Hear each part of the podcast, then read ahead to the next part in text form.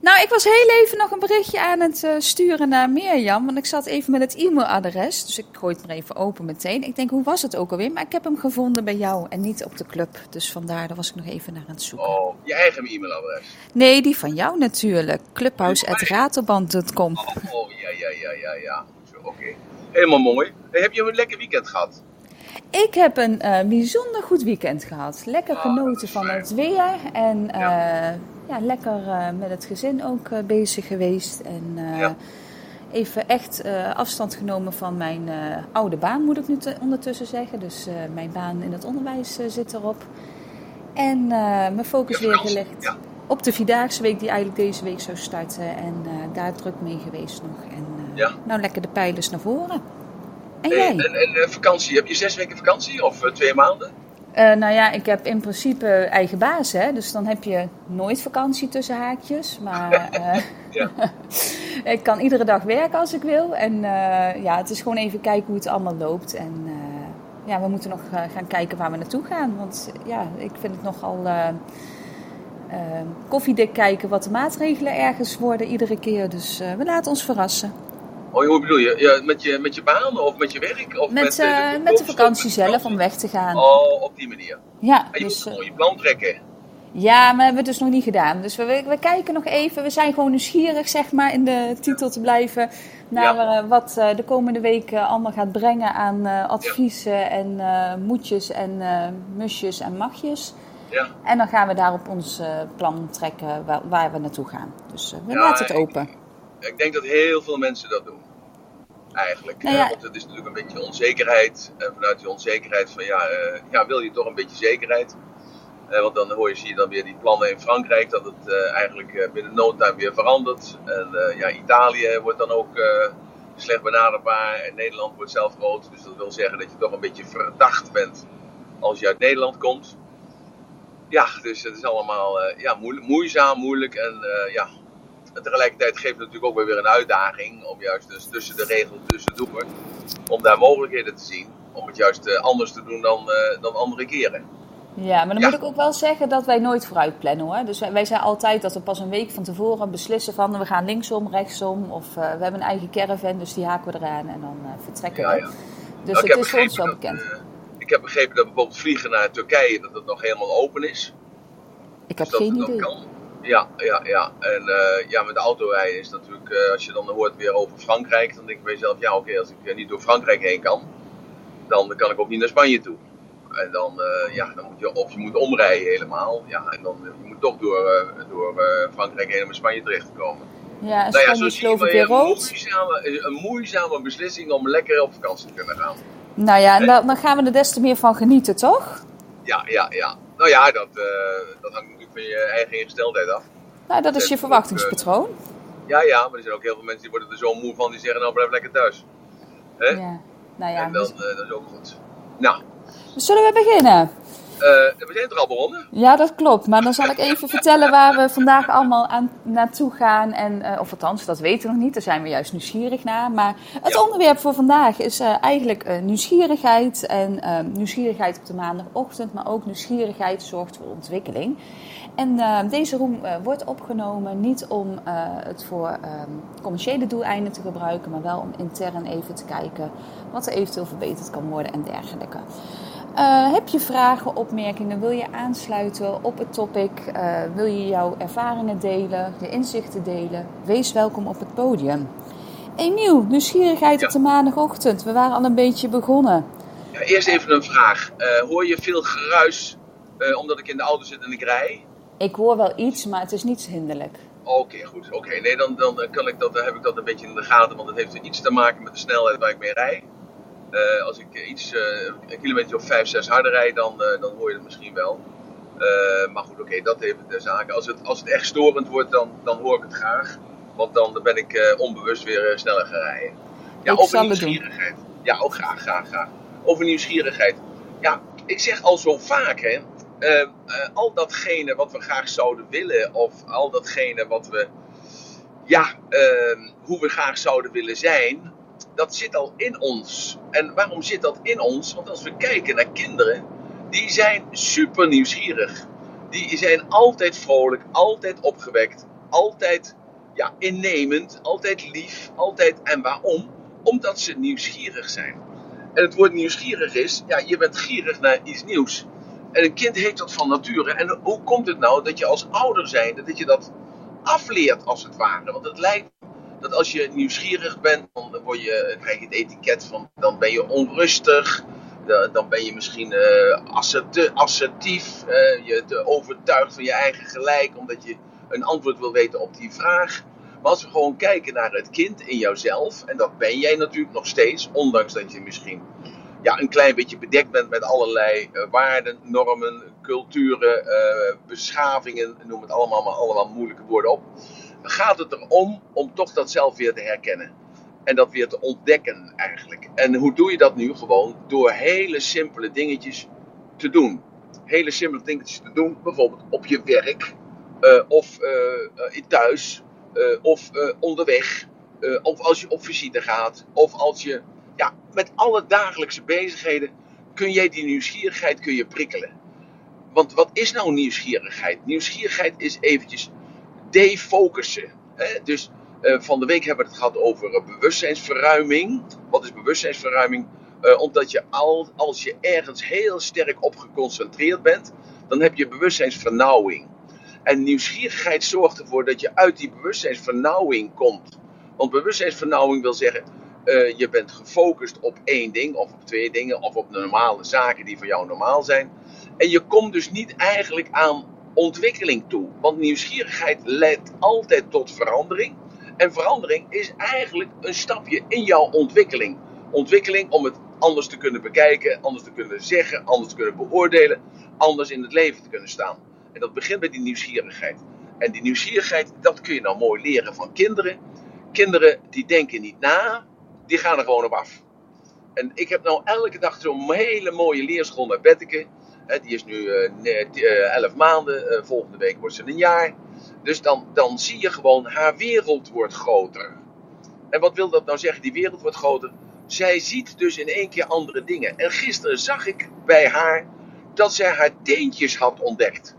Ja, dan zeggen wij, ja, teentjes ontdekken, die heb je toch? Ja, natuurlijk heeft ze die ook al 11,5 maand. Maar ze zag ze dus nu voor het eerst. Ze was zich bewust van het feit dat ze teentjes had. En, en dan die verwondering. Ja, ja, ja, ja, ja, ja, precies, die, die verwondering. Terwijl wij dan denken of zeggen van, ja, die teentjes heb je toch altijd al gehad, dus waar maak je je nou druk om? Maar dat is nou het mooie met, met ja, verwondering. Verwondering is eigenlijk een veel mooier woord. Die verwondering die er volgt uit de nieuwsgierigheid. Of uit het, het één keer zien dat die teentjes er zijn. En zo kun jij dat ook creëren bij jezelf. Want als je nou gewoon in je dagelijkse huishoudelijke werkzaamheden bezig bent. Of je bent dagelijkse, uh, je, je, je, de weg naar je baan. Of de baan zelf. Of in je relatie. Of in ja, de, gewoon de dood eenvoudige dingen waar je mee bezig bent elke dag. Met dezelfde collega's. Met dezelfde werknemers. Met dezelfde klussen die je moet doen. Kun je toch weer die nieuwsgierigheid creëren. Waardoor, door te leren van een kindje. Die verwonderd is door iets nieuws. Ik zeg wel eens vaker, hè, van uh, kijk nou eens naar de bladeren van een boom. En als je dus kijkt naar de bladeren van een boom, dan zie je dat er niet één blad gelijk is aan de ander. Als je dat, dat realiseert, dat er niet één blad van de beukenboom of de dennenboom, of de dennenboom met naalden, maar of een eiken, wat voor boom het is, dat niet één blaadje gelijk is, dan dan word je zo geraakt door het mooie, door het ja, onbenoembare. Hè? Het is onbenoembaar, want je weet niet hoeveel bladeren er zijn. Je, je, kijkt ernaar en je ziet dat ze allemaal een andere vorm hebben. En tegelijkertijd is, lijken eikenbladeren toch op elkaar. En beukenbladeren lijken ook weer op elkaar. En, en dennennaalden lijken ook allemaal op elkaar. Totdat je ze in de hand neemt en ziet dat het anders is. En dat anders, dat geeft die verbazing, die verwondering, die geeft dat uh, van wauw. En misschien betekent dat wel dat je je dan heel klein voelt. Misschien betekent dat het dan wel.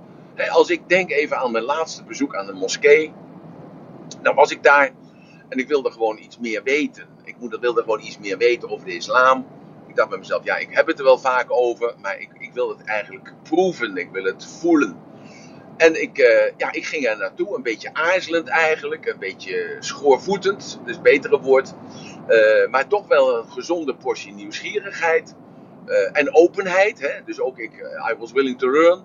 Ik, was dus, ik stond dus open om een ervaring te ondergaan, want dat is het dan eigenlijk, ja, ja. En ja, ik moest mijn schoenen uittrekken. Ja, dus het eerste wat ik dacht is, staan mijn schoenen er nog wel uh, als ik terugkom? Uh, ja, hele slechte gedachte natuurlijk. Dus ik aarzelde bij het feit om mijn schoenen uit te trekken. Maar ik dacht, ja, ik zag iedereen het doen. Ik dacht, nou ja, als iedereen het doet, dan... en ik, ik zag dat de overgrote gedeelte grotere schoenmaat had als ik. Ik denk, nou, dat is dan een rechtvaardiging om dan die mensen te vertrouwen. Ja, dat ging echt door mijn hoofd heen. Dus ik, ik was eigenlijk een beetje negatief gepold. Maar eerlijk en zelf een negatief gepold op dat moment. Dan ging je naar binnen, moest eerst de handen wassen. Nou, dus ik, ik volgde gewoon iedereen. Ja, en dan kom je binnen in de, in de gebedsruimte uiteindelijk. Ja, en dan, dan kniel je. En dan is dan naar een bepaalde richting. En je hoort dan een voorganger hoor je dan praten. En dat versta je niet. Dat is dan in het Arabisch. Ja, ik denk dat het Arabisch is. En als je je dan overgeeft. Want dat is het dan. Je geeft je dan over aan die nieuwe ervaring. Wat gevoed wordt door die nieuwsgierigheid. Omdat je daar iets wil over kunnen vertellen. Of iets, iets kunnen, kunnen, kunnen ja, een bepaald gevoel daarbij. Ja, dat wil je delen met andere mensen. Ja, dan kom je in een, een soort van verwondering of euforie. Verbazing. Iets nieuws. En in één keer krijgt dat gebouw waar je dan dagelijks, dagelijks voorbij gaat. Krijgt een hele andere lading. Krijgt dus een, een, gevoel van. Ja, hoe moet ik dat nou zeggen? Hoe was dat nou? Dat gevoel van verbazing? Was het nou een gevoel van stom, stomheid eigenlijk meer? Ja, dat was het eigenlijk. Ik kreeg een gevoel van dommigheid over me. Van, wat ben ik nou toch eigenlijk een oen dat ik nou niet eerder naar binnen ben gegaan. Want nou ben ik hier en nou voel ik eigenlijk wat die mensen eigenlijk altijd uiten met woorden. Nou, en dat was een ervaring die voortkwam uit nieuwsgierigheid omdat ik die. Dat, ik wilde een gevoel hebben, een intens gevoel hebben bij de beleving bij het woord moskee, bij het woord islam, bij het woord moslims. En vanaf dat moment heb ik een ander soort begrip voor die religie. Een ander soort begrip voor terroristen. Een ander soort begrip voor mensen die zeggen van, uh, ja, ik ben uh, moslim. Zo, dat brengt nieuwsgierigheid. Je komt dus in een ander gebied. In een ander Emiel? gebied. Ja. Je bent enthousiast aan het vertellen, maar ik denk dat je daarmee ook het gaspedaal ietsjes hebt ingedrukt. Dat klopt, dat klopt. Ja, dat klopt. Dat klopt. Ik, uh, ik, ik zit op, net op een, uh, op een splitsing. Ik denk, ik moet rechtsaf. En ik, uh, ik denk bij mezelf, nee, ik ga niet rechtsaf. Ik rij rechtdoor. Want ik heb het gevoel dat daar iets fout is. Dat er met die overstroming en dergelijke, dat daar richting Roermond, dat het daar fout is. En ja, er zijn wat wegen ja. afgesloten, begreep ik. Wat zeg je? Er waren wat wegen afgesloten, begreep ik. Oh, dat weet ik niet. Maar ik heb het ja. gevoel dat ik niet die kant op wil rijden. Oh ja, en dus gaf ik gas om uh, rechtdoor te rijden. Klopt. Zo. Nou, is het zo beter? Ja. Ja, oké, okay, goed. Nou, dus die nieuwsgierigheid heb je in jezelf. En wat is de beloning als je toegeeft aan die nieuwsgierigheid? Is dus een soort verwondering, een verbazing, dat, en dommigheid ook, in mijn geval is het de dommigheid, dat ik dus daar geen tijd aan gehad heb. En dat is natuurlijk eigenlijk ook weer ontzettend dom om, dat, om mezelf dat te verwijten. Want ik doe al een time management, ik pers eigenlijk alles al uit uit een hele dag. Ja, en dus ik hoef mezelf dat verwijt dan ook niet te maken. Maar dat verwijt zorgt er wel weer bij mij voor, dus dat is van pijn af, dat ik dus die nieuwsgierigheid daar nou wel meer aan toegeef. Ik ben dus ook in een kerk geweest uh, ja, ik, ik, kom wat vaker in een kerk, maar nu met een ander uh, objective, met een ander doel.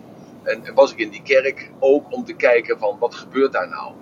En uh, ik zag die, ik weet niet hoe dat heet, die wandtekeningen. en ik zag die wandtekeningen. En terwijl ik die wandtekeningen bekeek, ging ik daar dichter op staan. En ik, ik zag dus eigenlijk die beelden, die gezichten bezig.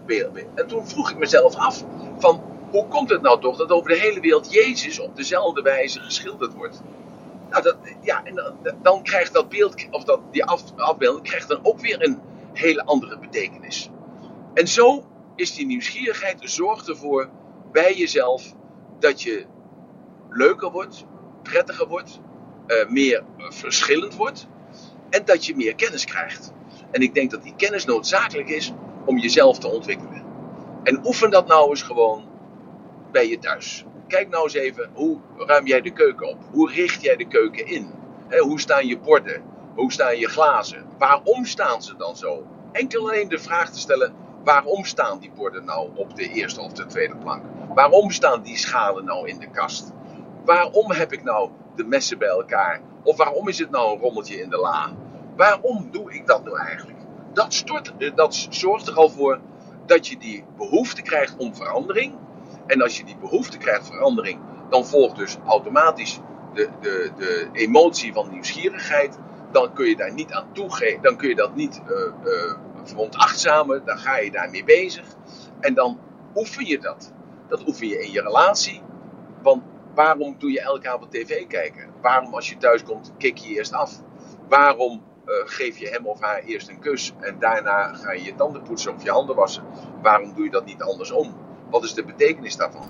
Dus die nieuwsgierigheid zorgt ervoor dat je het rad van ontwikkeling eigenlijk aanzet. En als je die nieuwsgierigheid houdt, dan komt die geest uit de fles. En die, die geest die kan niet meer uit de fles. En dan blijf je elke keer weer bezig om jezelf te verbeteren. Hoeft niet, want je kunt jezelf ook teleurstellen. Dan wordt die verwachting wordt dan getemperd. En dan is het eigenlijk niet zo spannend of niet zo leuk of niet zo. En dat maakt ook niet uit, want dat is ook een emotie waar je doorheen mag gaan.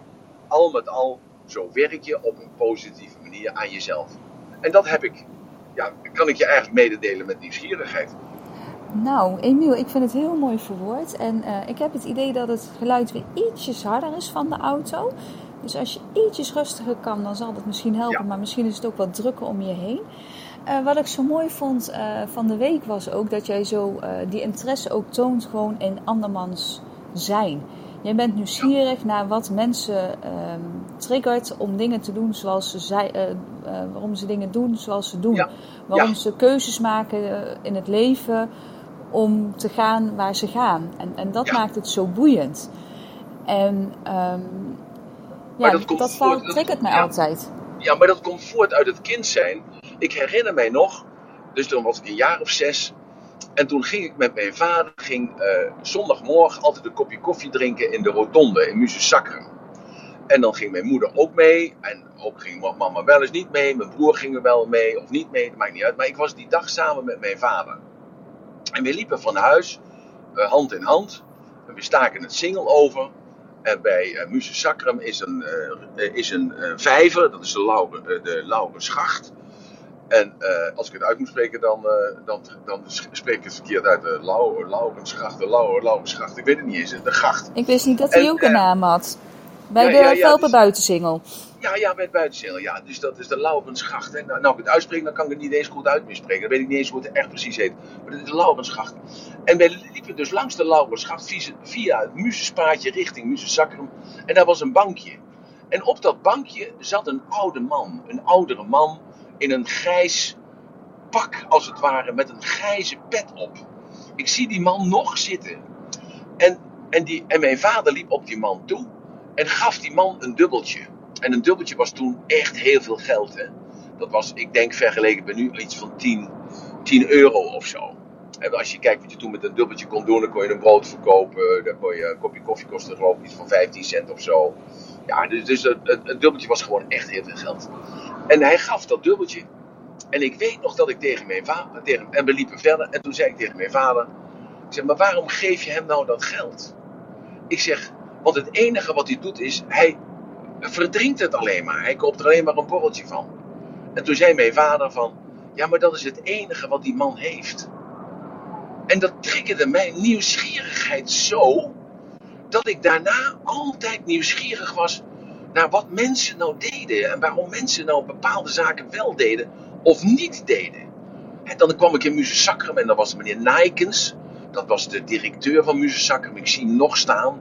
En die had een hele knappe zoon en een hele knappe dochter. En, en die waren allemaal actief in dat bedrijf.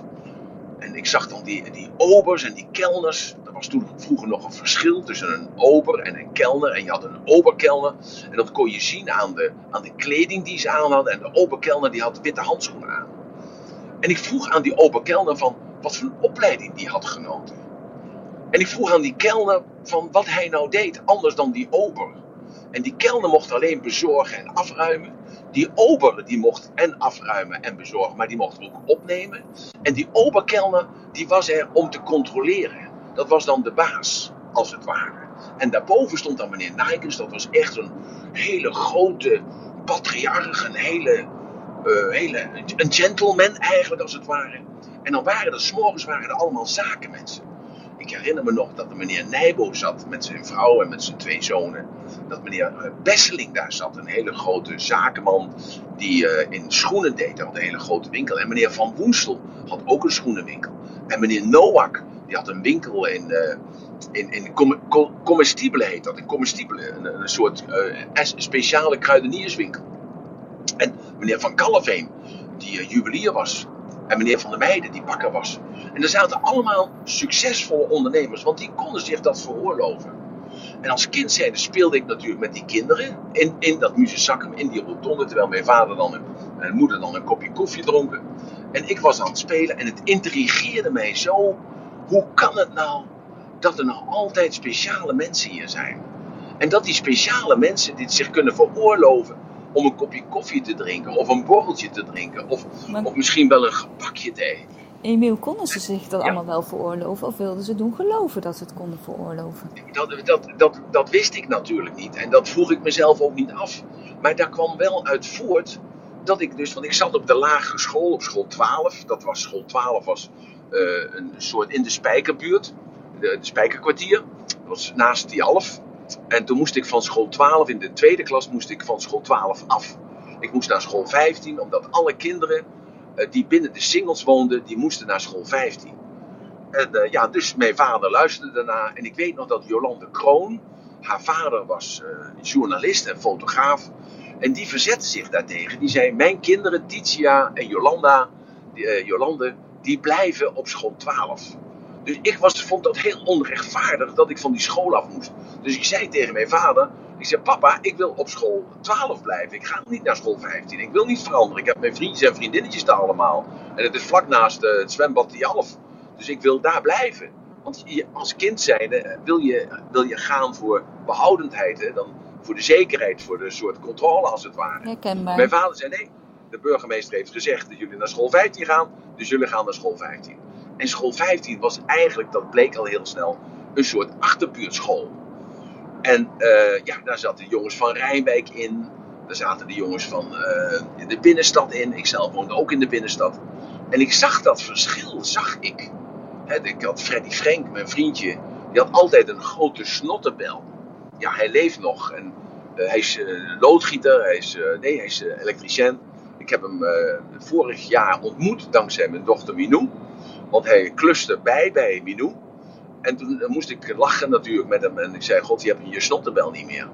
Hij zei, ja, wat erg hè, zegt hij, dat mijn vader en mijn moeder me zien liepen, liet, lieten lopen met die snottenbel.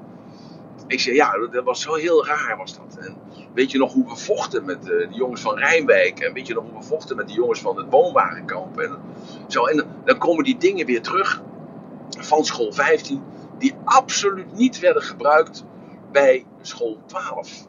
En als ik dan verder kijk, naar al die kinderen van school 12 gingen allemaal of naar de MULO of naar de HBS. En de HBS, dat, was, dat heet de Hogere Burgerschool. De Hogere Burgerschool, dat zegt het al. Hè? Daar gingen alleen mensen naartoe uit de hogere burgerklasse. Dus dat was de zoon of de dochter van de notaris of de advocaat of de dokter of de specialist. En, en, en zelfs een geslaagde zakenman liet zijn kind niet naar de HBS gaan, die liet zijn kind naar de MULO gaan. dat was meer uitgebreid lager onderwijs. Ja, maar dat was ook omdat er soms niet uh, de mogelijkheden toe waren. Tenminste, ik herinner het van mijn ouders inderdaad. Mijn vader die uh, wilde naar de HBS, maar die moest de zaak overnemen. En ja. Dat herkennen er denk ik heel veel natuurlijk. En dan is het de nieuwsgierigheid weer van hè, hoe, hoe komt het nou dat het op die manier zo was? Maar ik denk dat dat vroeger gewoon zo ging. De oudste die, die had alle kansen en daarna werden de kansen steeds kleiner om bepaalde richtingen op te gaan. Ja, dat was misschien bij jou zo. Uh, maar ik ken ook heel veel families waar juist het oudste kind ging naar het seminarie. Ja. dat was dan in Limburg heel vaak. De katholieke gezinnen was dat. De oudste ging naar het seminarie. Uh, dus daar werd dan voor gezorgd, als het ware. In, uh, in de seminarie waar hij dan was, werd opgeleid tot, uh, tot dominee of priester of zo. en, ehm, en dan het kindje wat daarop volgt, ja, die was dan de oudste. En die moest dan zorgen eigenlijk voor de familie. Want heel vaak hoor ik van juist dat de oudste op één, de oudste op de op oudste moest zorgen. Moest de zaak overnemen. Of die was verantwoordelijk voor het welzijn van, van de kinderen. Moest mama het meeste helpen met de, met de opvoeding. Eh, of papa, al nagelang. Dus dat, dat werd meer gedacht in hiërarchieën. En eh, vanuit die hiërarchie werd dus eigenlijk de nieuwsgierigheid gedood. Want dan is het je plaats waar je in hoort. En de plaats waar je in hoort, dat is, is in het Hindoeïsme is dat ook zo mooi. Dan, eh, je wordt geboren in een bepaalde kasten. En je trouwt in een bepaalde kasten. En je kunt alleen maar door goede daden in die kasten, kun je dus in een volgend leven reïncarneren in een hogere kasten. En dat is eigenlijk in het, uh, in het christendom is dat eigenlijk ook zo. Dat je dus uh, ja, op dit, in dit leven moet je lijden. Uh, je moet jezelf vergeven, je anderen vergeven. Je moet boetedoening doen. En in een volgend leven in de hemel zul je het allemaal beter krijgen. En als je niet juist boetedoening doet en je offert jezelf niet op en je vergeeft het de anderen niet zijn fouten, dan zul je eeuwig in de hel branden. Het is natuurlijk een fantastisch, ja, ik noem het wel vaker een marketingconcept. Hè? En uh, is misschien een, een, belediging voor mensen die geloven. Maar ja, er zit een gedachte achter waar, hoe je de massa kunt bewegen om goede daden te verrichten. Althans, die geformuleerd werden door een uh, bepaalde groep van, uh, van heilige mannen. Meestal waren dat dan heilige mannen, de mannen dan. Dus, dus de, ik, ik, geef alleen aan dat mijn vader en mijn moeder dachten niet aan een HBS.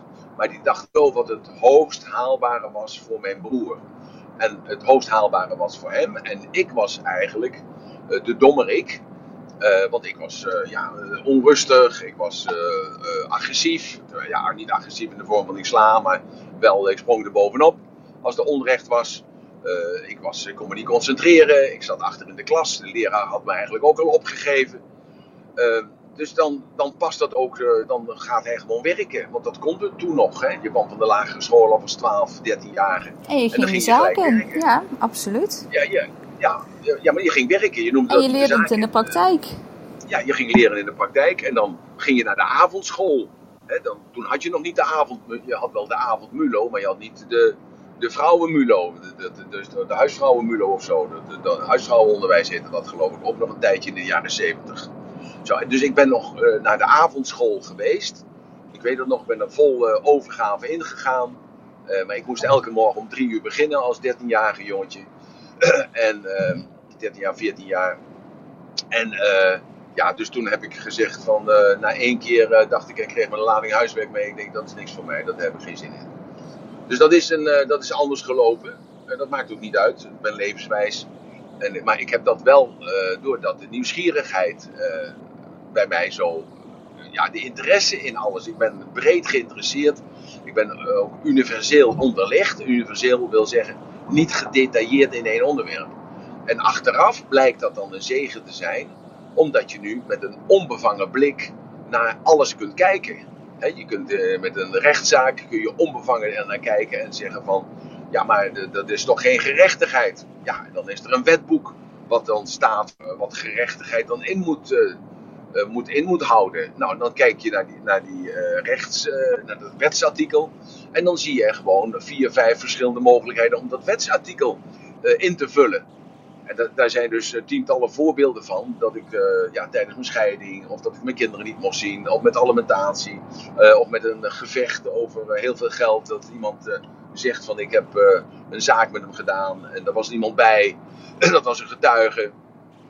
En dat bleek dus, ja, dat uh, was dan niet zijn vrouw. Die had hij zich voorgesteld als een vrouw. Maar het bleek achteraf dat het gewoon een kennisje was van hem. Dus die, die kon dan wel als getuige fungeren. Zo, dat zijn allemaal dingen die je dan leert en leert interpreteren. En op een andere manier met een advocaat gaat praten. Of met een accountant gaat praten. Of met een architect gaat praten. Die daarvoor gestudeerd heeft. En dan kun je hem in jouw naïviteit, hè, dus in je dommigheid eigenlijk, kun je hoe het anders kan. Want hij denkt alleen maar in, in gekaderde oplossingen. En doordat jij nieuwsgierige nieuwe vragen stelt, ruim jij zijn blik ook weer. Ja, en dat is de tijd natuurlijk. Hè. De tijd is nu. Uh, ik, ik heb je, vorige week vroeg ik dat ook aan iemand van.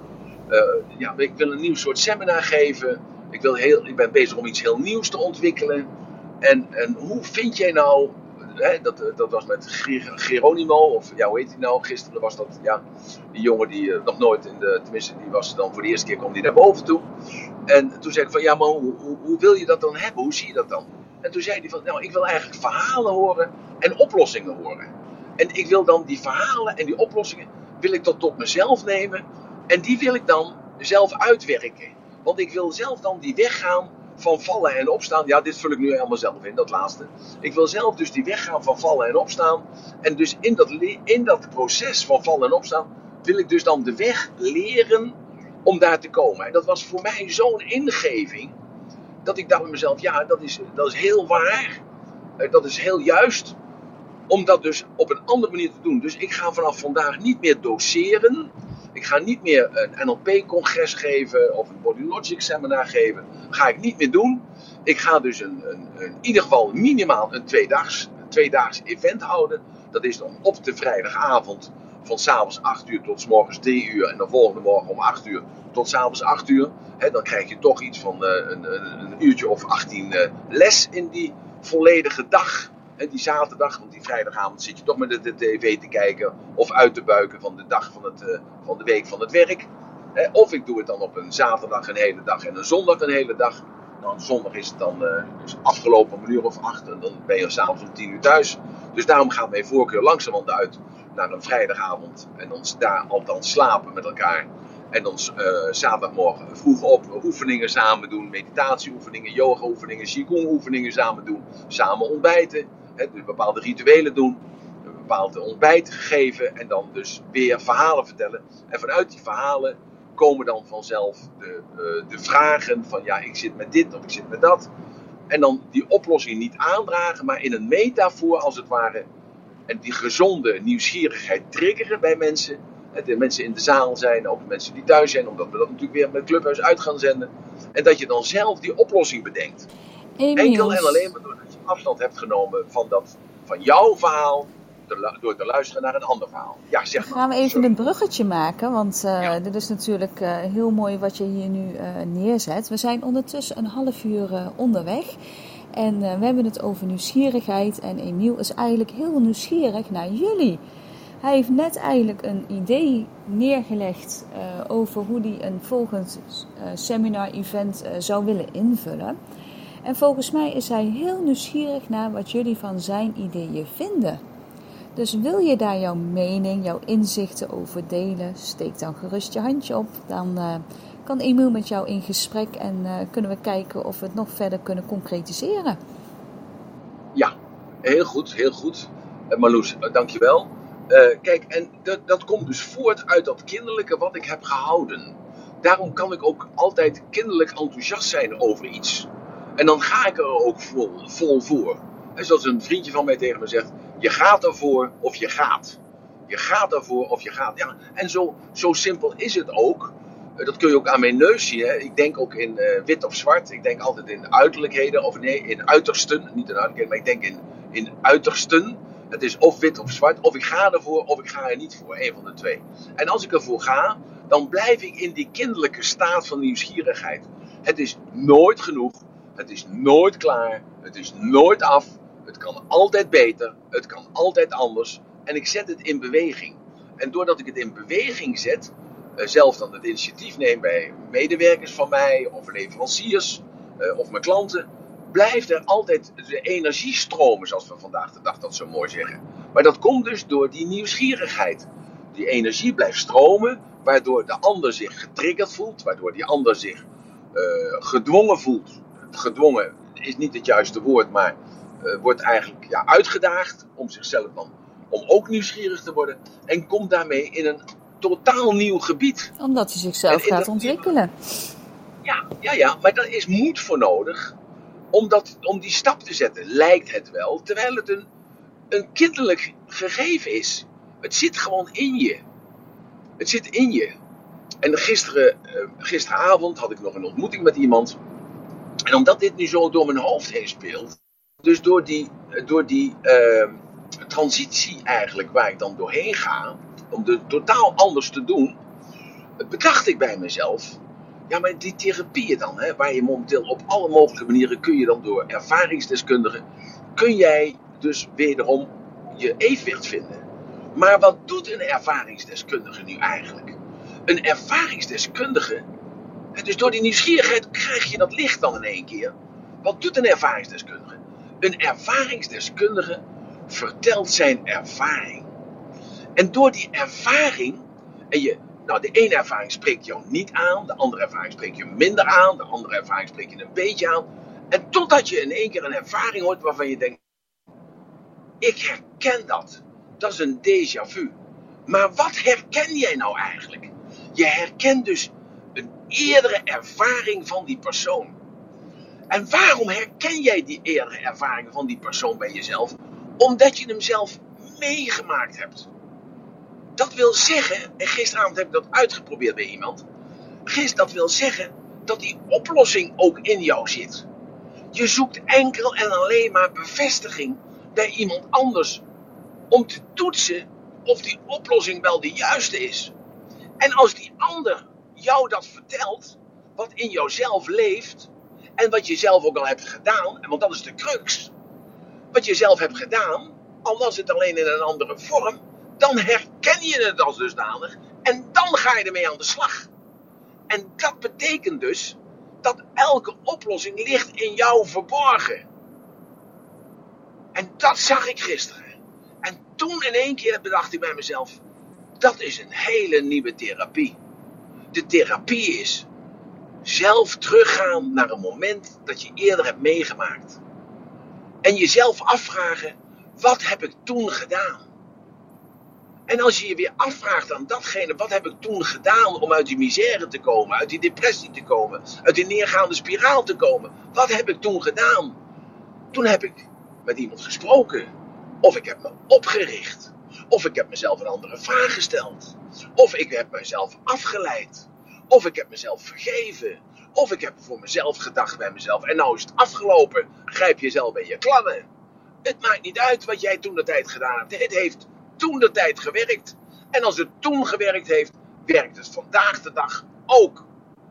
En ik heb dat gelijk toegepast bij dat inzicht. Ik kreeg dat inzicht door die nieuwsgierigheid. Want door die nieuwsgierigheid luisterde ik gewoon zo gedetailleerd tegen die persoon. En die persoon vertelde dat hij twee dagen was geweest op een plek vol met negatieve herinneringen. En dat die negatieve herinneringen hem getrokken hadden in dat die negatieve spiraal van geweld van elf jaar geleden. En hij beleefde dat stuk voor stuk, stuk, stuk weer. En toen ik tegen aan hem vroeg van, maar je bent toch in die tussentijd, in die tussenliggende elf jaar, ben je toch wel eens vaker op die plaats geweest?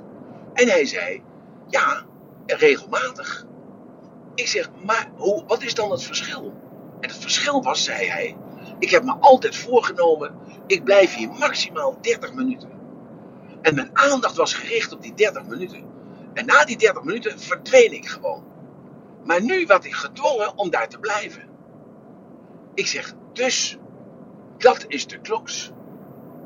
Want dus omdat je gedwongen werd om te blijven, dus vorige week, ben je in die negatieve spiraal terechtgekomen.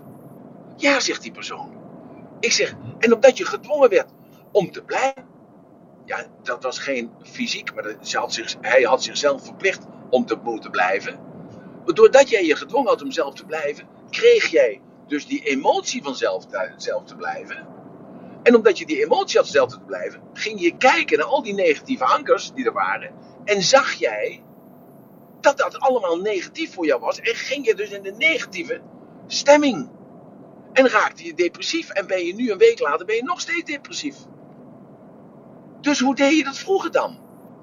Dus vroeger als je depressief was. En vroeger dat je je negatief voelde. Wat deed je vroeger dan? Nou zegt die persoon tegen mij.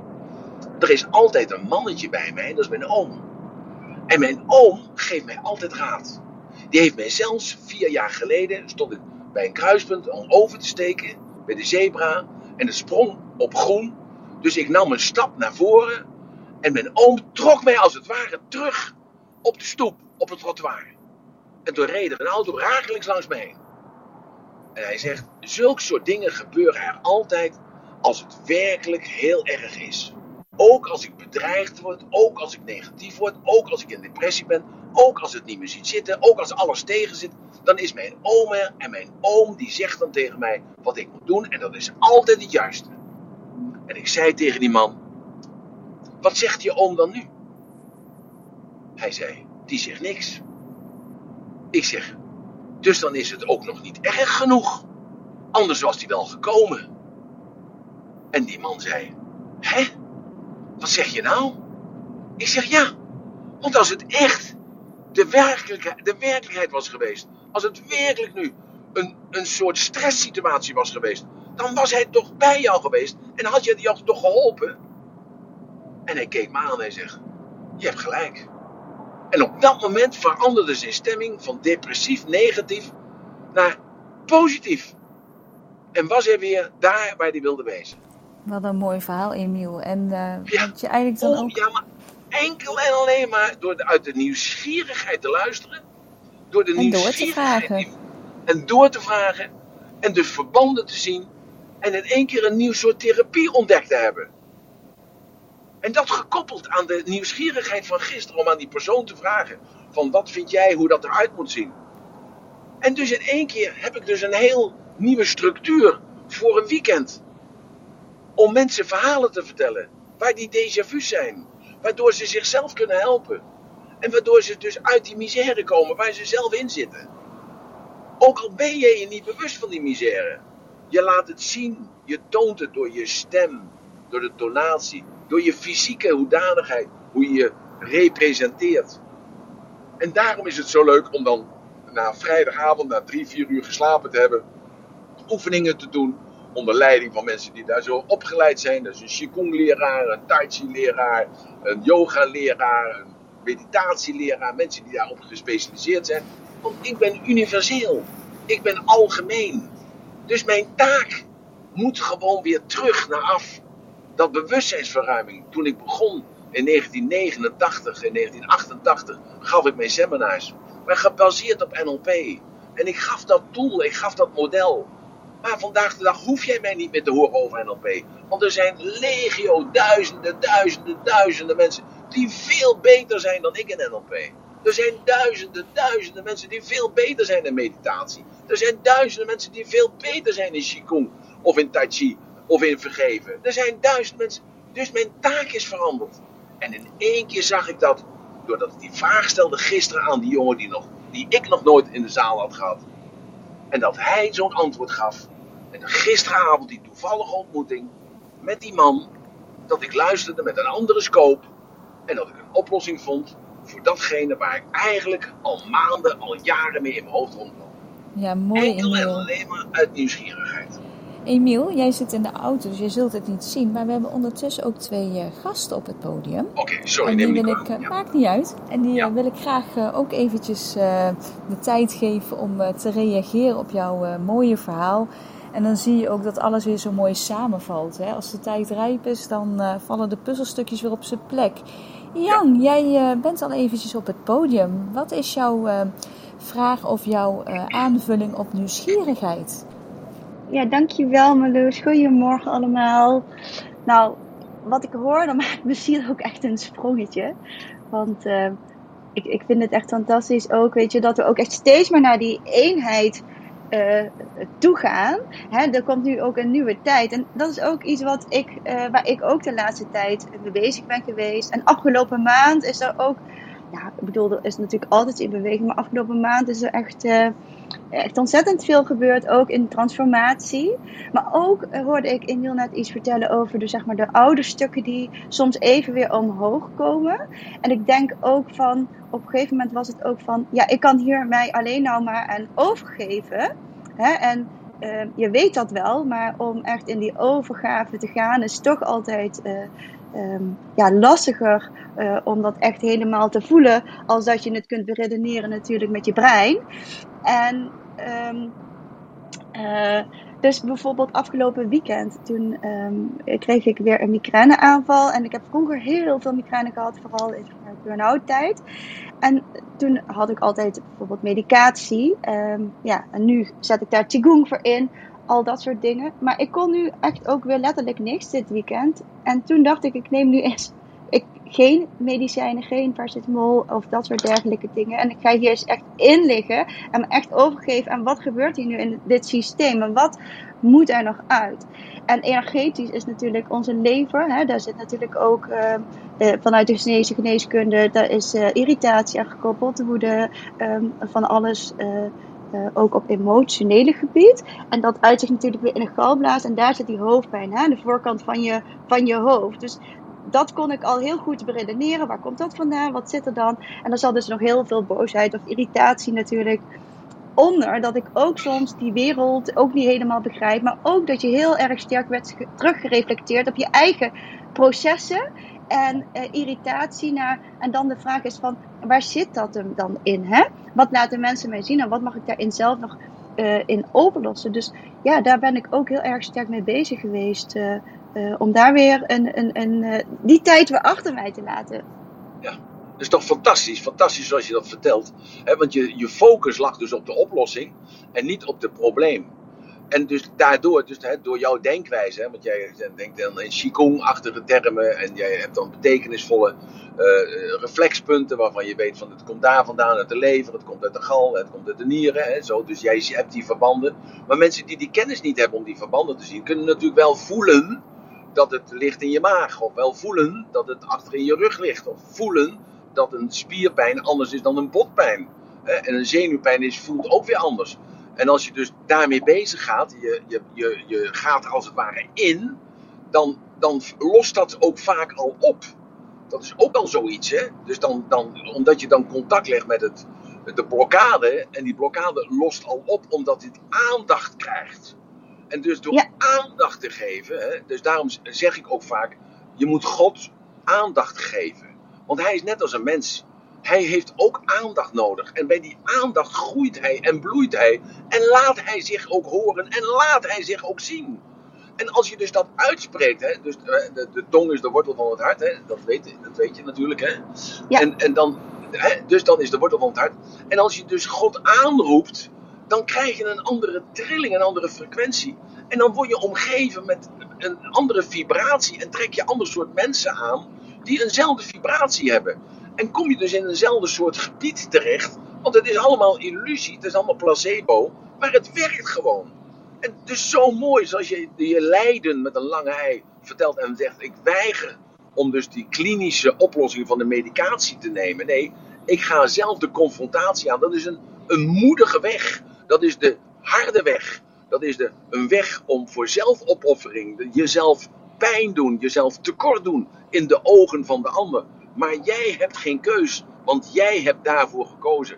En uiteindelijk is dat ook de enige weg. Want de oplossing zit niet in een pilletje, de oplossing zit altijd in jezelf.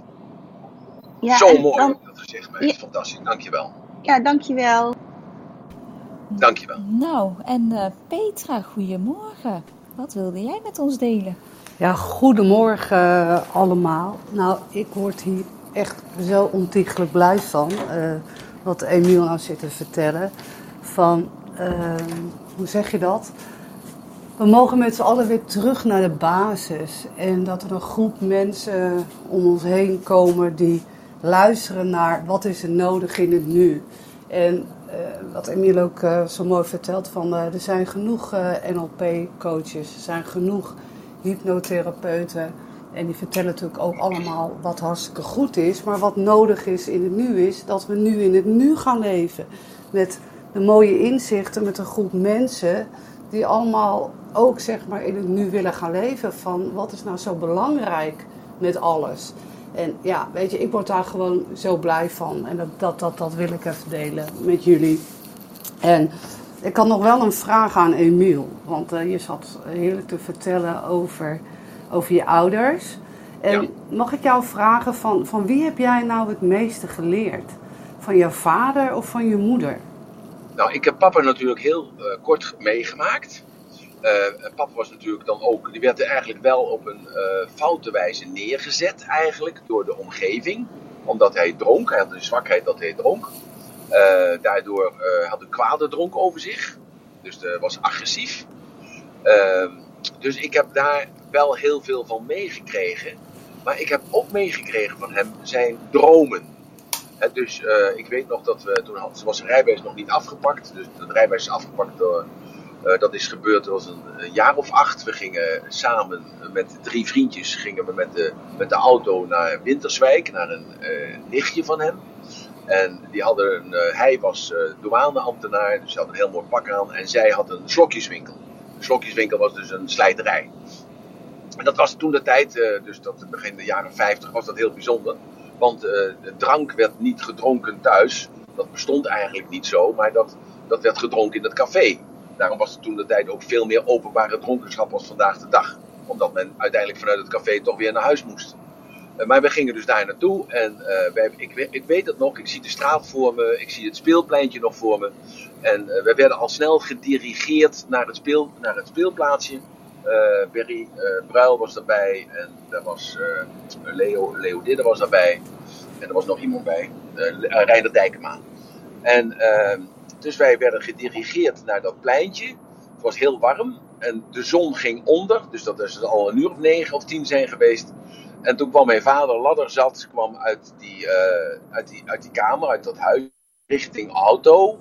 En zijn, de tante Anne heette ze, dus een nicht van, haar, van hem, die hielp ons dan nog even in die auto komen. En toen reed hij met die zatte kop reed hij ons terug. We zijn nog één keer aangehouden door iemand in een MG die uh, sneed hem.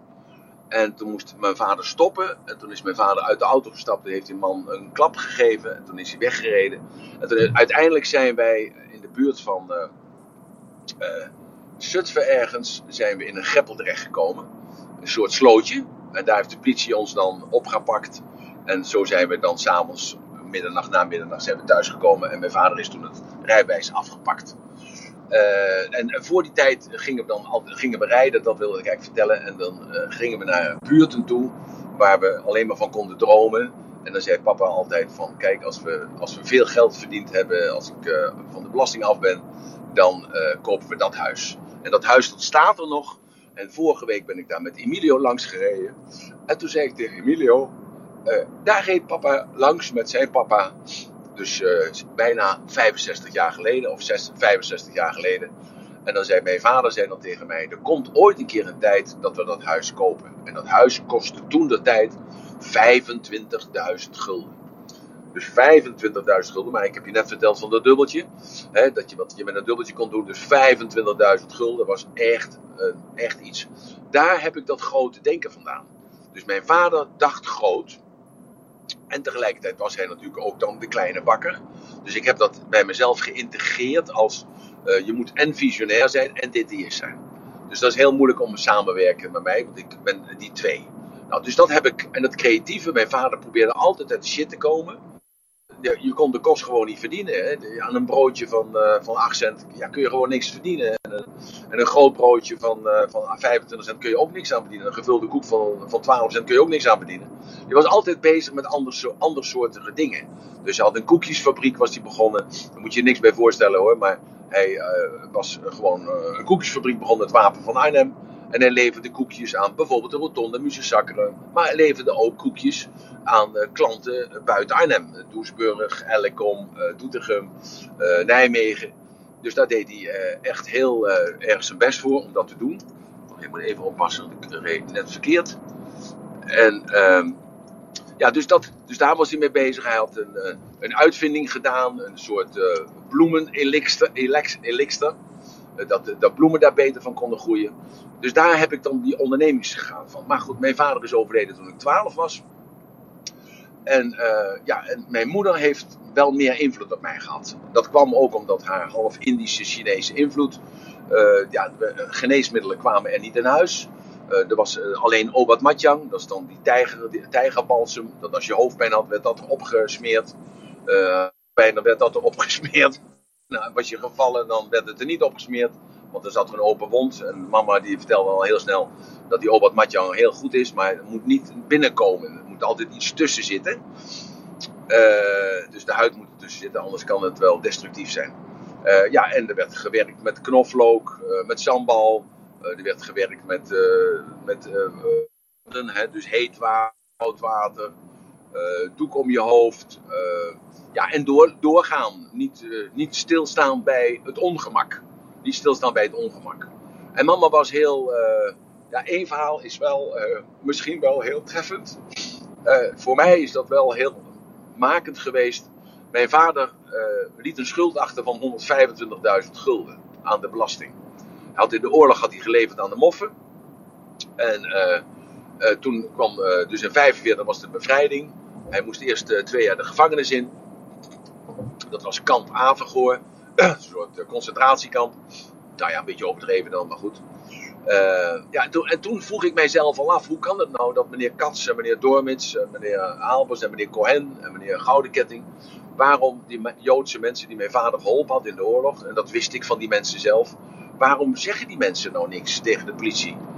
Waarom hebben die mensen niets gezegd tegen de politie dat mijn vader misschien dan wel schuldig was, maar tegelijkertijd ook onschuldig was?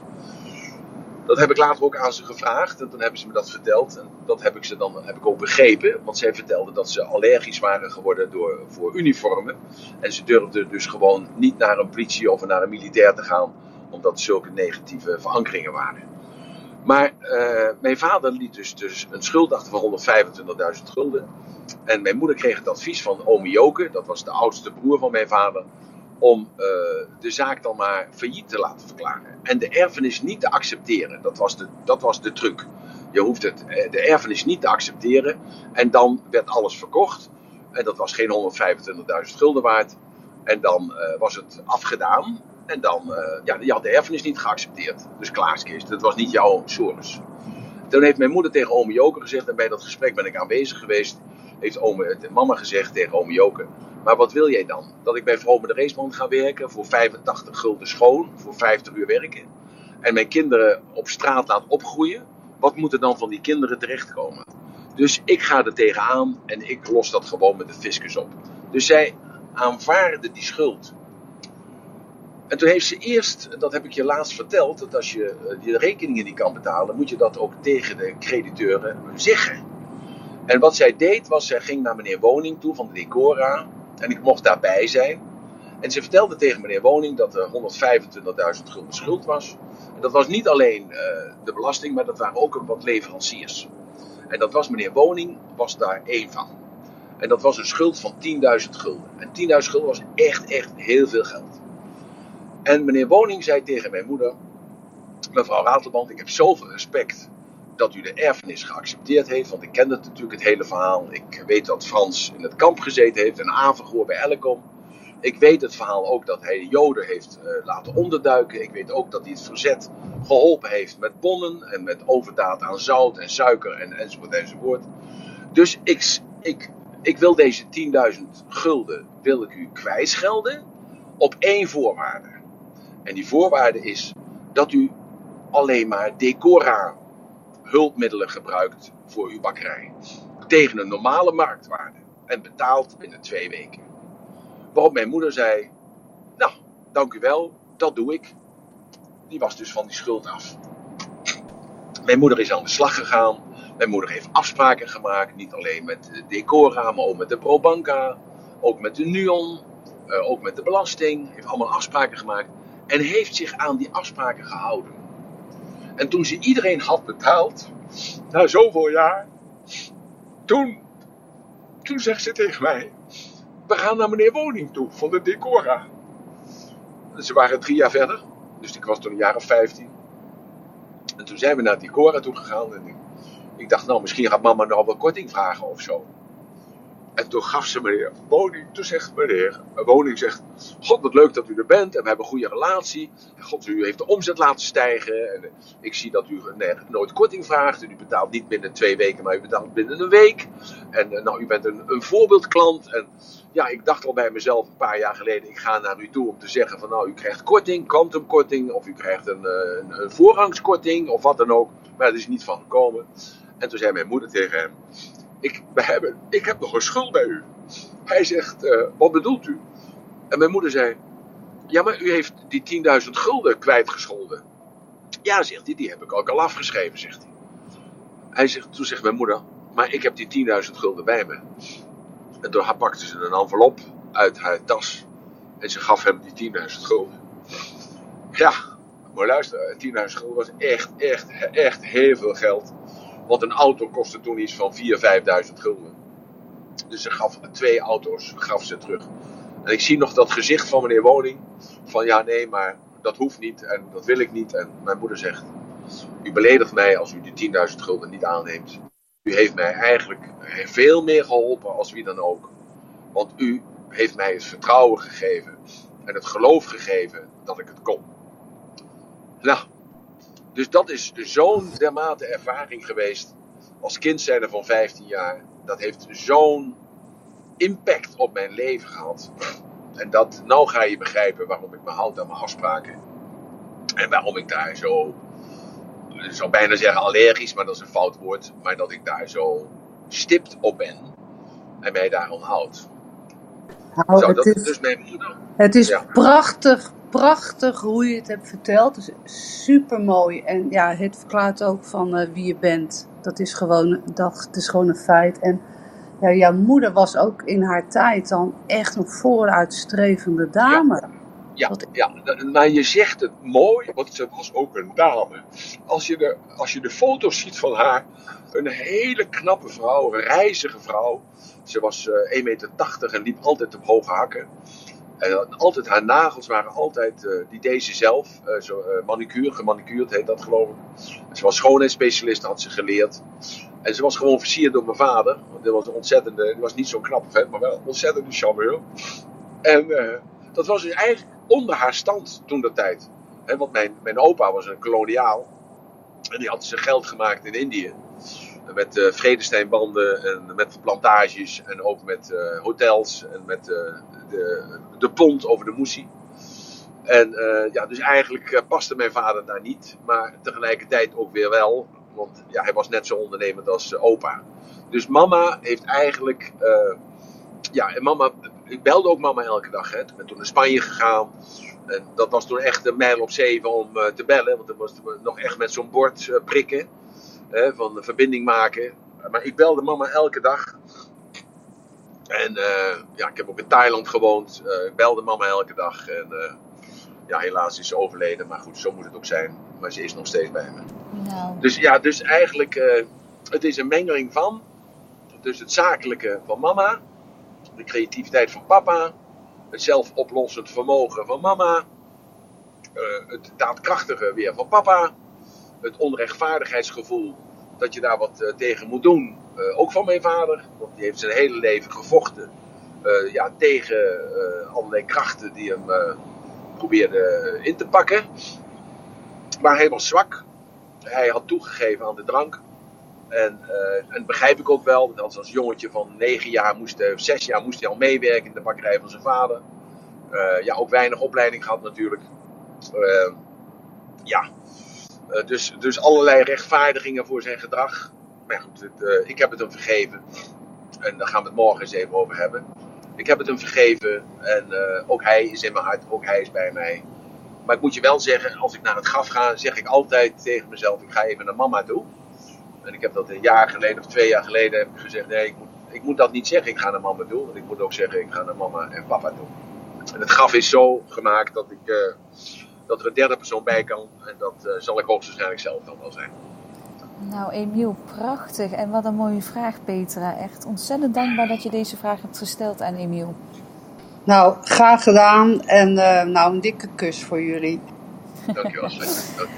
Emiel, Emiel, ehm, voordat wij uh, naar Wessel gaan, het is uh, tien uur. Um, ik uh, wil de mensen beneden in het publiek nog heel even de kans geven om eventueel nog zijn of haar reactie te geven op deze room. En dan zet ik zo de handjes uit. Um, ja, we hebben het over nieuwsgierigheid en de vraag van Petra net was gewoon van, goh, hè, waar komt nou, ja, waar, van wie heb je nou het meeste gehad? En jij geeft eigenlijk aan van beide ouders heb je gewoon heel veel meegenomen. Ik hoorde jou ook heel duidelijk zeggen dat uh, jouw vader echt al een aantal keren komt dat terug in verhalen ook echt uh, zijn uh, gulheid gaf aan mensen die het minder hadden. Ja. Hij was een gever in mijn ogen. En dat ben jij ook. Dus ik denk dat je daar ook wel een stuk van je vader hebt meegenomen. Um, nou, dat, dat, dat verhaal met die, uh, dat die man met de grijze pak en de grijze pet op. Uh, is natuurlijk wel bepalend geweest. Want het ging natuurlijk niet om dat dubbeltje. Maar het ging natuurlijk om dat hij even stil stond bij die man. En even ja, symbolisch dan iets geld gaf. Maar, maar hij gaf natuurlijk tijd en aandacht. Want die man die zat met zijn wandelstok heel gebogen. Uh, ik, ik, zie dat gewoon beeld nog zo voor me. Maar komt natuurlijk, ik ben heel sterk visueel ingericht. Ik praat ook van een plaatje af. Hè? Of van een film af. En, dus ik, ik zie dat dan ook scherp. En het was meer van dat pa zichzelf herkende daarin. En dat is natuurlijk wat ik zelf ook herken in mensen die eenzaam zijn. Die, die moeten het alleen redden. En, uh, ja, en die lijden daaronder. En die, uh, die, die vragen dan ook niets. Die hebben dan niet de assertiviteit of de, de brutaalheid of de openheid of de moed of ja, om zich ja, kwetsbaar op te stellen, vind ik ook weer zo'n te veel, een beetje wishy-washy woord. Maar uh, ja, die kunnen dat niet. Die hebben dat niet geleerd. Die hebben dat voorbeeld niet gehad. En, en daarom is het zo belangrijk om je kinderen dat voorbeeld te geven. Het heeft helemaal, je, je hoeft het allemaal niet te zeggen. Je moet het laten zien. En daarom is het ook zo mooi dat Emilio dan weer dat bidden doet. Hè? Ik heb hem dat niet verteld dat hij dat moest doen. Hij heeft dat gezien toen ik met hem in de kerk was dat ik geknield heb en dat ik een, een, een, een dubbeltje of een euro, weet ik veel wat, in de, in de bak deed en daar uh, twee kaarsjes uit haalde. En tegen hem zei van nou, voor wie wil jij een kaarsje opsteken? En, uh, en zolang dat kaarsje brandt, is jouw gebed leeft in het universum. En hoe langer dat kaarsje brandt, hoe meer en hoe groter de kans is dat jouw wens uitkomt. En en toen vroeg hij mij, voor wie uh, bid jij nou, papa? En toen zei ik tegen hem, voor wie ik dat kaarsje aanstak. En toen zei hij van, ik steek het kaarsje voor Gita aan. Voor Gita aan. Gita is in de hemel en Gita waakt over ons. En, en dus dat, dat, dat moment in die kerk, dat heeft hem, heeft voor hem betekend ik moet elke keer bidden. Of moet, ik, ik, ik wil gewoon elke keer bidden. Bij belangrijke momenten. Belangrijke momenten. Dus ik ga naar bed of ik sta op. Uh, ik ga wat eten. dus eerst waren het maaltijden. En, en, gisteren waren we ergens en gingen een ijsje eten. En toen, dan ging hij bidden. Hij maakte dan een kruisje. Dat is, hij zat op een katholieke school. Maak een kruisje. Doe heel even bidden. En dan zo. En toen gisteravond zei hij tegen mij van, ging hij slapen. Toen zei hij, wil je even bij me blijven? Als ik bid. Ik zeg, maar ben je bang dan of zo, lieverd? Hij zegt, nee, ik ben niet bang, papa, maar ik wil gewoon bidden voor jou. En als je dan bij me bent, dan voelt dat gewoon beter. Ja, dat is zo mooi. Dat is zo rijk, dat is zo... Dat is zo... Daar kan ik er geen woorden over zeggen. En dan natuurlijk komen dan in mijn hoofd weer beelden terug van... Ja, dat je dat niet meer kan doen bij je vader of bij je moeder, maar dat dat, dat dus een onbetekenend iets... Hè, voor heel veel mensen is dat onbetekenend om een kaarsje op te steken in de kerk. Ja, je bent hartstikke gek om dat te doen. Eh, als het zo nodig is, dan, uh, dan bid je maar even. Of dan hou je je tijd maar even. Hou je adem maar even. Denk je maar even aan die persoon. Maar even die metafoor of dat ritueel. Dat moment even stilstaan. Heeft zo'n impact op hem. En dat komt dus weer zo terug bij mij. Ja, want wat je geeft krijg je terug. Hè? Maar het komt weer zo, zoveel. Zo'n positieve lading komt dan terug. Ja. Ja, dus ja, waar heb je het over, jongens?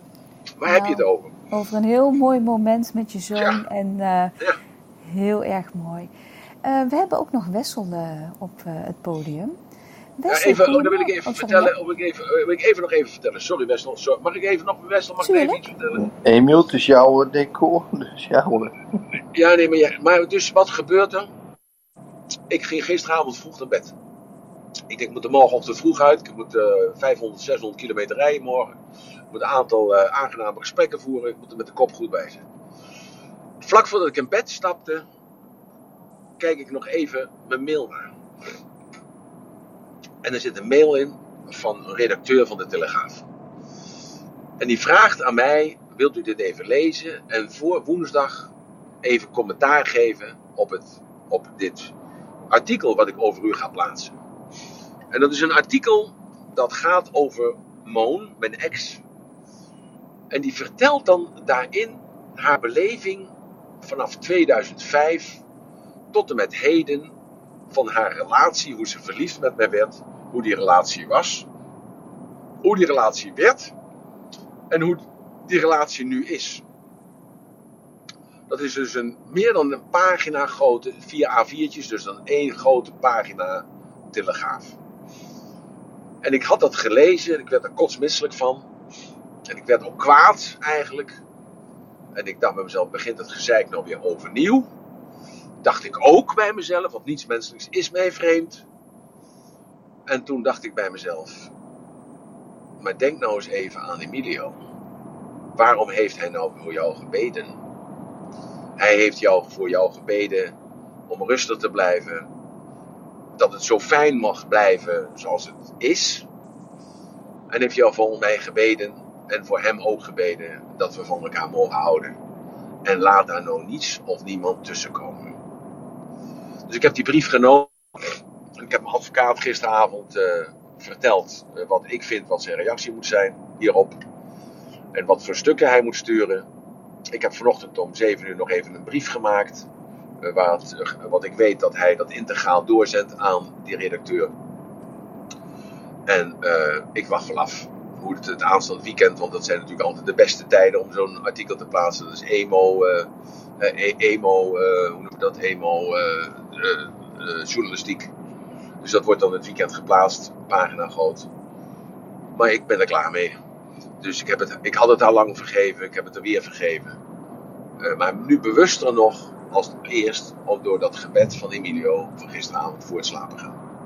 Nou ja, dan maakt, sorry. maakt niet uit, Emilio, want het is een heel ja, voelbaar verhaal en ook een, een mooi bruggetje eigenlijk naar morgen inderdaad, waar de roem uh, gaat over het ritueel vergeving. Ja.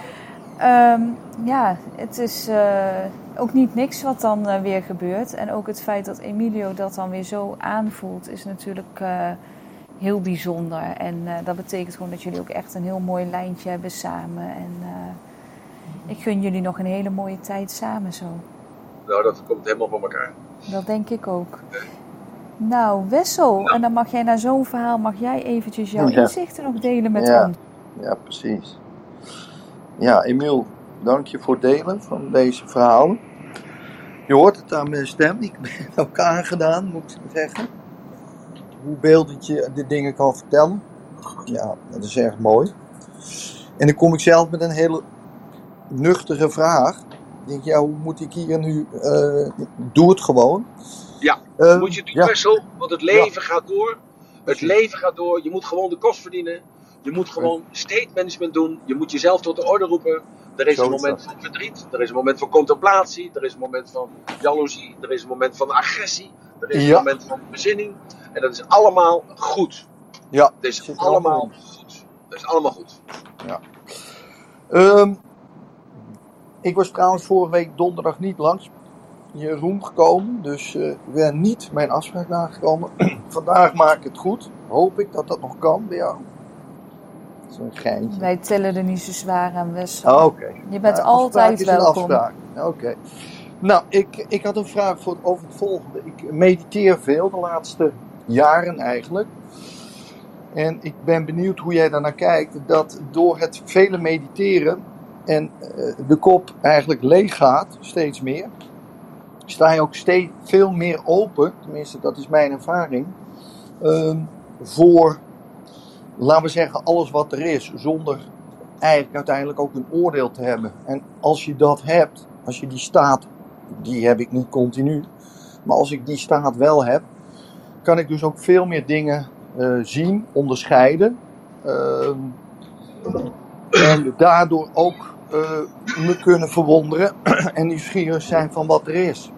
Vaak ja. lopen er allerlei gedachten door je hoofd en gaat ja. die energie daaraan verloren. Dus ik was benieuwd hoe jij daarnaar kijkt. Ja. daar kijk ik op een hele andere wijze naar, Wessel.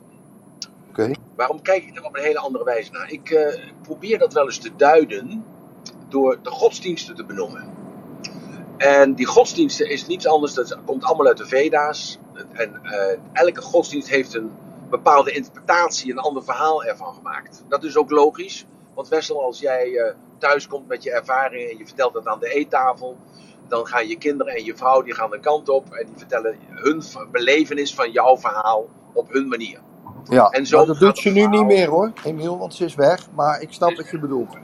Nou, maar goed, oké. Okay. Dat kan ook een vriend zijn, of een broer of zo. Ja, ja, ja, Dus een verhaal gaat een eigen leven leiden. Zo is het met godsdiensten dus ook. Mm -hmm. Vanuit die godsdiensten komen er een aantal leefregels. Mm -hmm. En die leefregels zijn eigenlijk aangepast aan de regio. Ja. Dus uit de, de habitat. Ja. Dus zo heb je dus in Afrika ander soort godsdiensten. Een andere uitleg van, hetzelfde, van dezelfde Veda's. Op een andere manier dan in Mhm. Australië. Mhm. Of in Azië.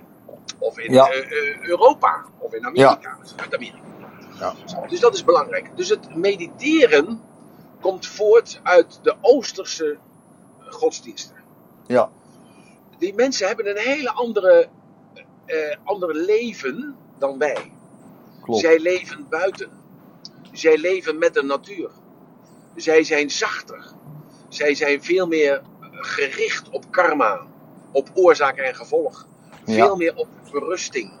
Ja. Zij vragen zich veel minder af.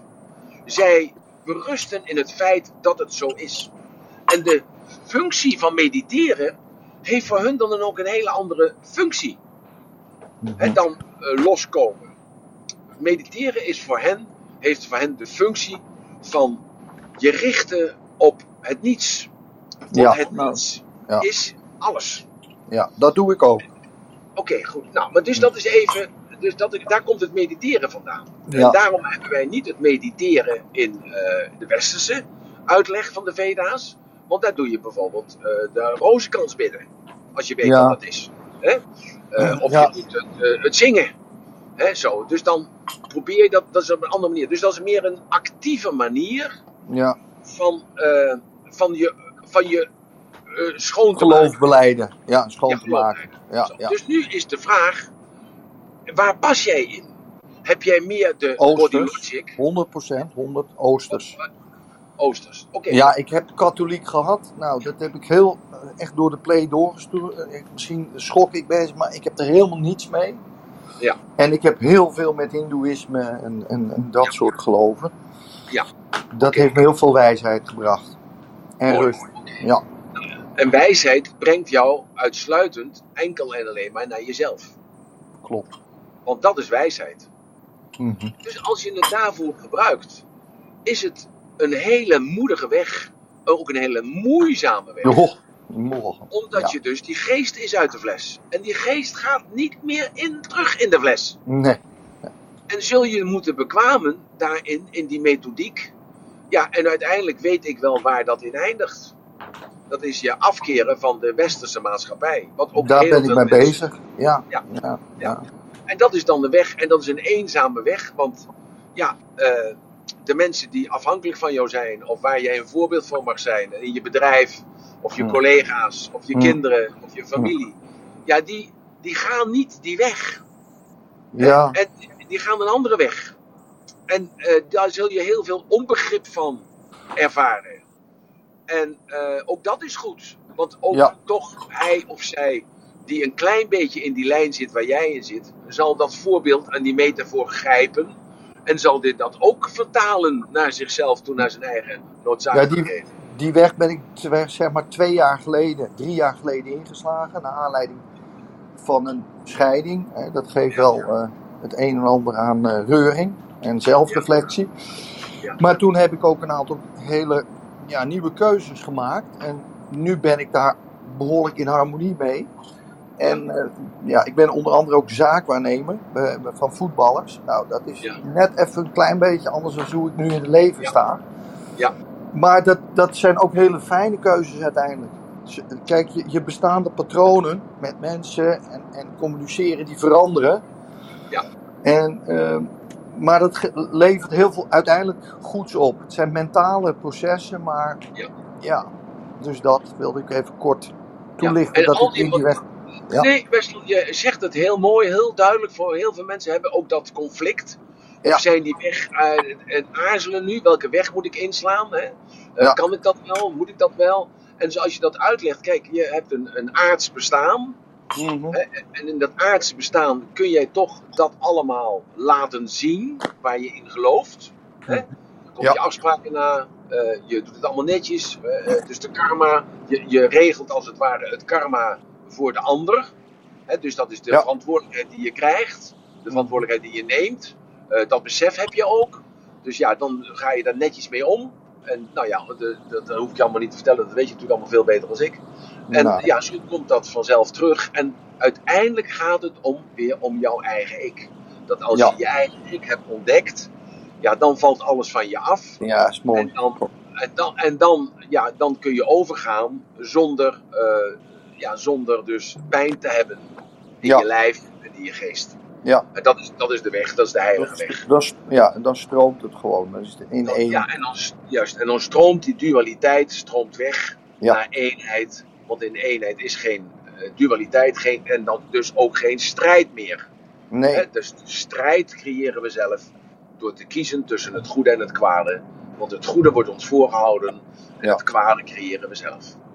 Precies. Dus dat is heel, heel, heel simpel eh, de, de manier waarop. Dus ja, kerel, eh, als jij denkt dat het werkt voor jou, dan moet je dat gewoon doen. Ja, het klinkt dan gewoon heel eh, dom, stom, maar zo is het. Dus alles Ja. is goed. Zal ik ook doen. Ik was benieuwd naar jouw kijk erop. En dat verrijkt mijn blik ook weer. Dus eh dank je wel voor het Alles antwoord. is goed. Dankjewel Wessel. En dank je dat je er bent. Beter laat dan nooit. Wat een mooie wending weer. En dan zie je dat vanuit nieuwsgierigheid je andere wegen gaat bewandelen en zo weer op andere mooie mensen komt en andere inzichten. Leuk om te zien, Emiel. Emiel, het is eh, tien voor half elf en eh, Mooi zo. ik denk dat het een mooie tijd is om eh, af te ronden. Morgen een mooie room ritueel, eh, het ritueel vergeving. Wil je nog reageren op deze room? Wil je nog iets kwijt aan Emiel? Dan kun je mailen naar clubhuis.raterband.com. En dan eh, is het tijd voor het ratelbandje, Emiel. Ja. We zou ik nog even aan toe willen voegen. Als je nog ideeën hebt over een eh, eh, seminar, is het niet. Ik weet ook niet hoe ik het wel moet noemen. Een soort weekend. Een, nou ja, of een soort twee dagen. Maar wel lang doortrekken natuurlijk. dan de energie hoog houdt. En heb je daar nog ideeën over? Of suggesties van? Dan, dan hoor ik dat graag van je. En dan mag je ook altijd natuurlijk naar me schrijven. clubhouse.raadman.com Dat komt bij mij terecht. En dan, dan ben ik altijd heel dankbaar voor. Dus eh, hoe meer mensen ideeën hebben, of suggesties hebben, of zienswijzes hebben, hoe, eh, hoe, hoe meer, hoe beter. Want uiteindelijk is het niet mijn ding, maar is het ons ding. En als jij jezelf daarin kunt herkennen, is dat eh, ja, ook weer een- een haha-erlevenis. Nou, even het ratelbandje voor vandaag over nieuwsgierigheid. Ja, sta gewoon nieuwsgierig in het leven, jongens en meiden. Gewoon eh, eh, kijk naar alles op een andere manier.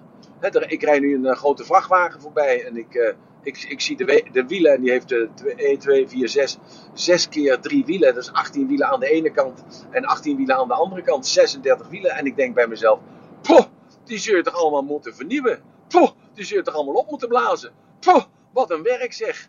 En die vent die er bovenop zit, die gaat zo direct hier eh, rechtsaf naar Zalbommel of naar Rossum of naar Brakel. En dan moet hij dan lossen. En die moet dan een klein paadje in met die 36 wielen. Nou, en als je zo in het leven staat, dan is alles vrolijk, want dan is alles leuk, dan is alles ondernemend, dan is alles veranderlijk, dan is alles nieuwsgierig. En als je nieuwsgierig bent, ben je weer dat kleine kindje wat altijd verbaast en verwondert. En altijd zichzelf afvroeg, wat zou daar nou achter liggen? En dat betekent de geest uit de fles. En als de geest uit de fles is, kun je hem niet meer terugstoppen. Want het kind in jou roept om aandacht, geef het aandacht en het kind zal groeien. Een mooie dag wens ik jullie en tot morgenochtend 9 uur. Ik kijk er naar uit en ik geniet van deze dag. kijken jullie er ook naar uit. En geniet in ieder geval van deze dag. Dank jullie wel en tot morgen. Bye bye.